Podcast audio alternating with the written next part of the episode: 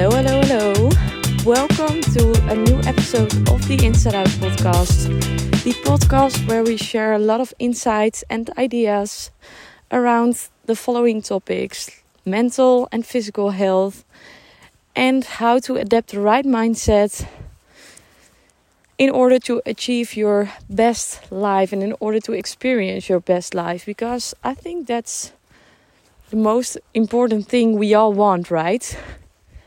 And of course, we share a lot of insights about spirituality as well. So, thank you for listening. So, today I want to talk about fears. What is it actually? Where is it coming from? And why do we have fears? Because, in my opinion, we all do have fears and uh, they say a lot like can you imagine a life without fear? Or some people say that they don't have even fears. I don't think that's true at all because it's part of life to have fears. And we all we are as individuals we as individuals all have our lessons to learn in life. And um, I do believe that our fears are detours in the right direction. Our fears are actually um, the things where the most magical uh, experience do come from. So, what are fears actually? Uh, fears are false evidence appearing real. And the name itself says what it is actually. And fears are blockages in our minds, which. Ooh, I see a frog actually. That's so weird. I'm walking in the forest right now, and suddenly I saw a frog. That was really weird because I never see frogs in here. But besides that, um, where was I with my with my story? Whenever we experience fear, our brain is sending a signal to our body that something is not right. And our body gives that signal to our brain as a result of the signal from the brain to the body. So then it becomes a loop, and that's what we call fear the feeling uh, we feel during that fear, that's what's memorized in our brain from our childhood trauma. And you can have fear for whatever it is, and fears actually stem from childhood trauma or childhood experiences, which we subconsciously uh, memorized in our brain and which um, yeah became a, kind of trauma. It doesn't have to be uh, because the word trauma itself it sounds really big or it sounds that you have to go through really difficult times. But trauma can also stem from an experience in your childhood. It could be just a little moment where something not go wrong or where you decided that some something outside of uh, outside of you had to do with you or that something outside of you um, um, trauma is actually something um, you experienced in childhood where you experienced a lot of low vibration emotions.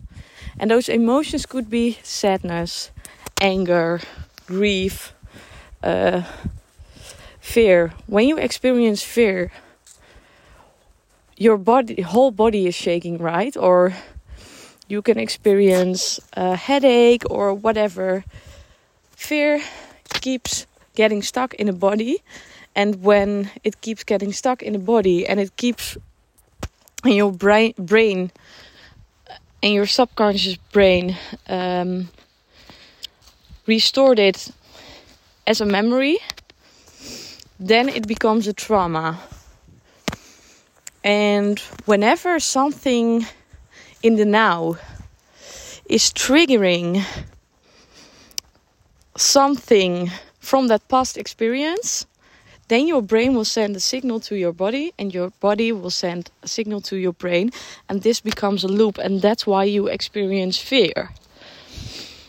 So, in order to get rid of those fears, or, or, not to get rid of those fears, but to um, to move past your fears, let me say it this way, then it's really important to become aware of your fears and to become aware of what is triggering you in daily life. For example, when I was in Bali, I went surfing for the first time, and um, actually, I went surfing two times. And the second time, I heard that there would be a lot of coral in the water. And by hearing that, I immediately started experiencing fear. I was like, oh my god, actually, I don't want to surf in the water where there's coral because if I'm going down because of a wave, then I will be dead or something. I was just imagining all those worst case scenarios, and then I already, before I even went surfing, I already experienced so much fear and all those thoughts came up and i was asking our surf teacher the whole time like is it safe to go into the water? Blah blah blah blah blah. So i went into the water and imagine what happened.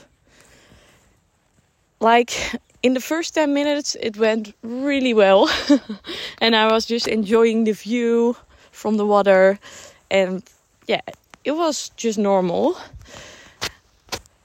and then suddenly, after 10 minutes, wave after wave came over me, and I was experiencing so much fear. I had never experienced something like that. I my whole body was shaking because the surf teacher he was really far away um, and he was um, he was screaming like Saskia, Saskia, come here, come here. And I wanted to start paddling, but the water, the uh, stream of the water, it pulled me to the whole other side. And I had a feeling that I had no control at all anymore. So I really wanted to go to to stop surfing. And then he uh, came swimming to me he swam to me or swam or swim. I don't know how to say it actually. But he went to me and I said to him, I want to go back right now. I want to go back. And he saw that my whole body was shaking and I was experiencing so much fear. I I really can't explain how much fear I felt. And then he was like, "Yeah, but uh, wait a second. Breathe in, breathe out uh, take deep breaths. And actually, I couldn't because my breath was in my throat. It was insane. And then um, he, uh, I asked him to um, to go back, and then he said to me, "You have to go back through another waves, and then the wave they will pull you back down to the beach." And I was freaking scared of those waves because they became bigger and bigger every time. So I was like, fuck. And then he um, he pulled my board into the new wave. And actually, it went very well to go down to the beach. But when I was at the beach again, and my friend um, which I was surfing with, she was still in the water. And when I went to the beach, I was, I felt my whole body shaking like crazy. I actually didn't um, experience it in water that much as I did on the beach because then I was not in the water anymore. and like I was so scared. Oh my god! And then I went down to the beach and I really had to breathe in, breathe out. I was sitting on a chair with those lovely Indonesian girls around me, and um, they were taking care of me.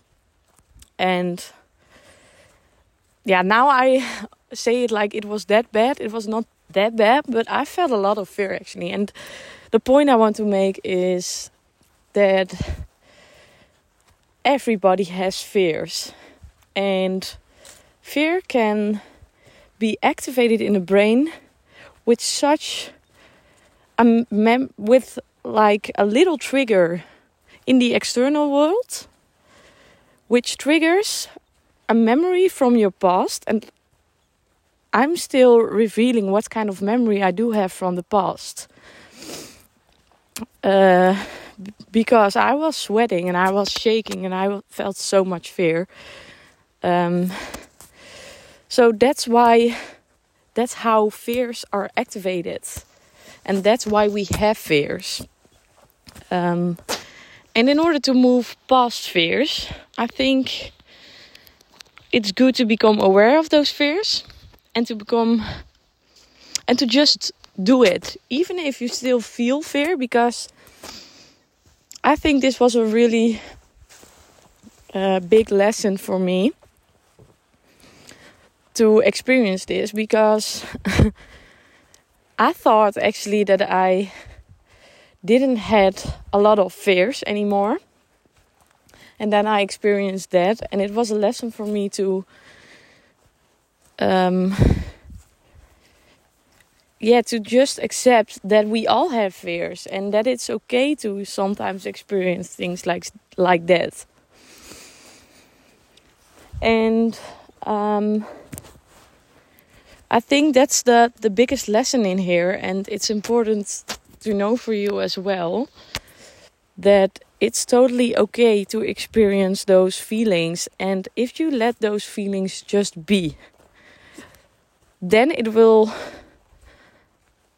move out of your body. And when you become aware of those triggers, then you can do exercises or do or um, take tools to move through those fear, through those fears or mass pass through those fears. For example, you can do meditation. It will regulate your nervous system as well and you will become much more calm. So another exercise or tool you can use is visualization before you do something that scares the hell out of you you can just do a visualization and you can imagine or you can ask yourself the question actually before you visualize how would the confidence or how would the uh, person I am today without fears feel right now? And then you close your eyes and you just take a moment and then you visualize that version of you without fears. This will regulate your ner- nervous system as well. And the last tool you can use to move past fears is um, yoga.